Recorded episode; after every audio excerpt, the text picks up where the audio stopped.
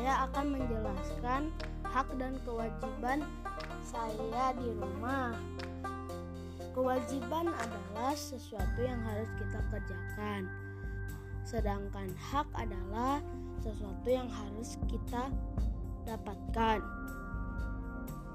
Kewajiban saya di rumah adalah membantu orang tua membersihkan rumah seperti mencuci piring dan.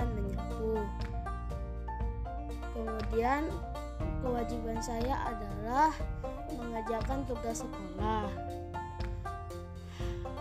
Hak saya adalah memperoleh makanan sehat, memperoleh pendidikan, memperoleh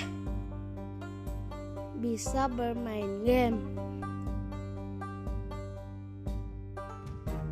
Itulah podcast saya hari ini. Terima kasih, bye.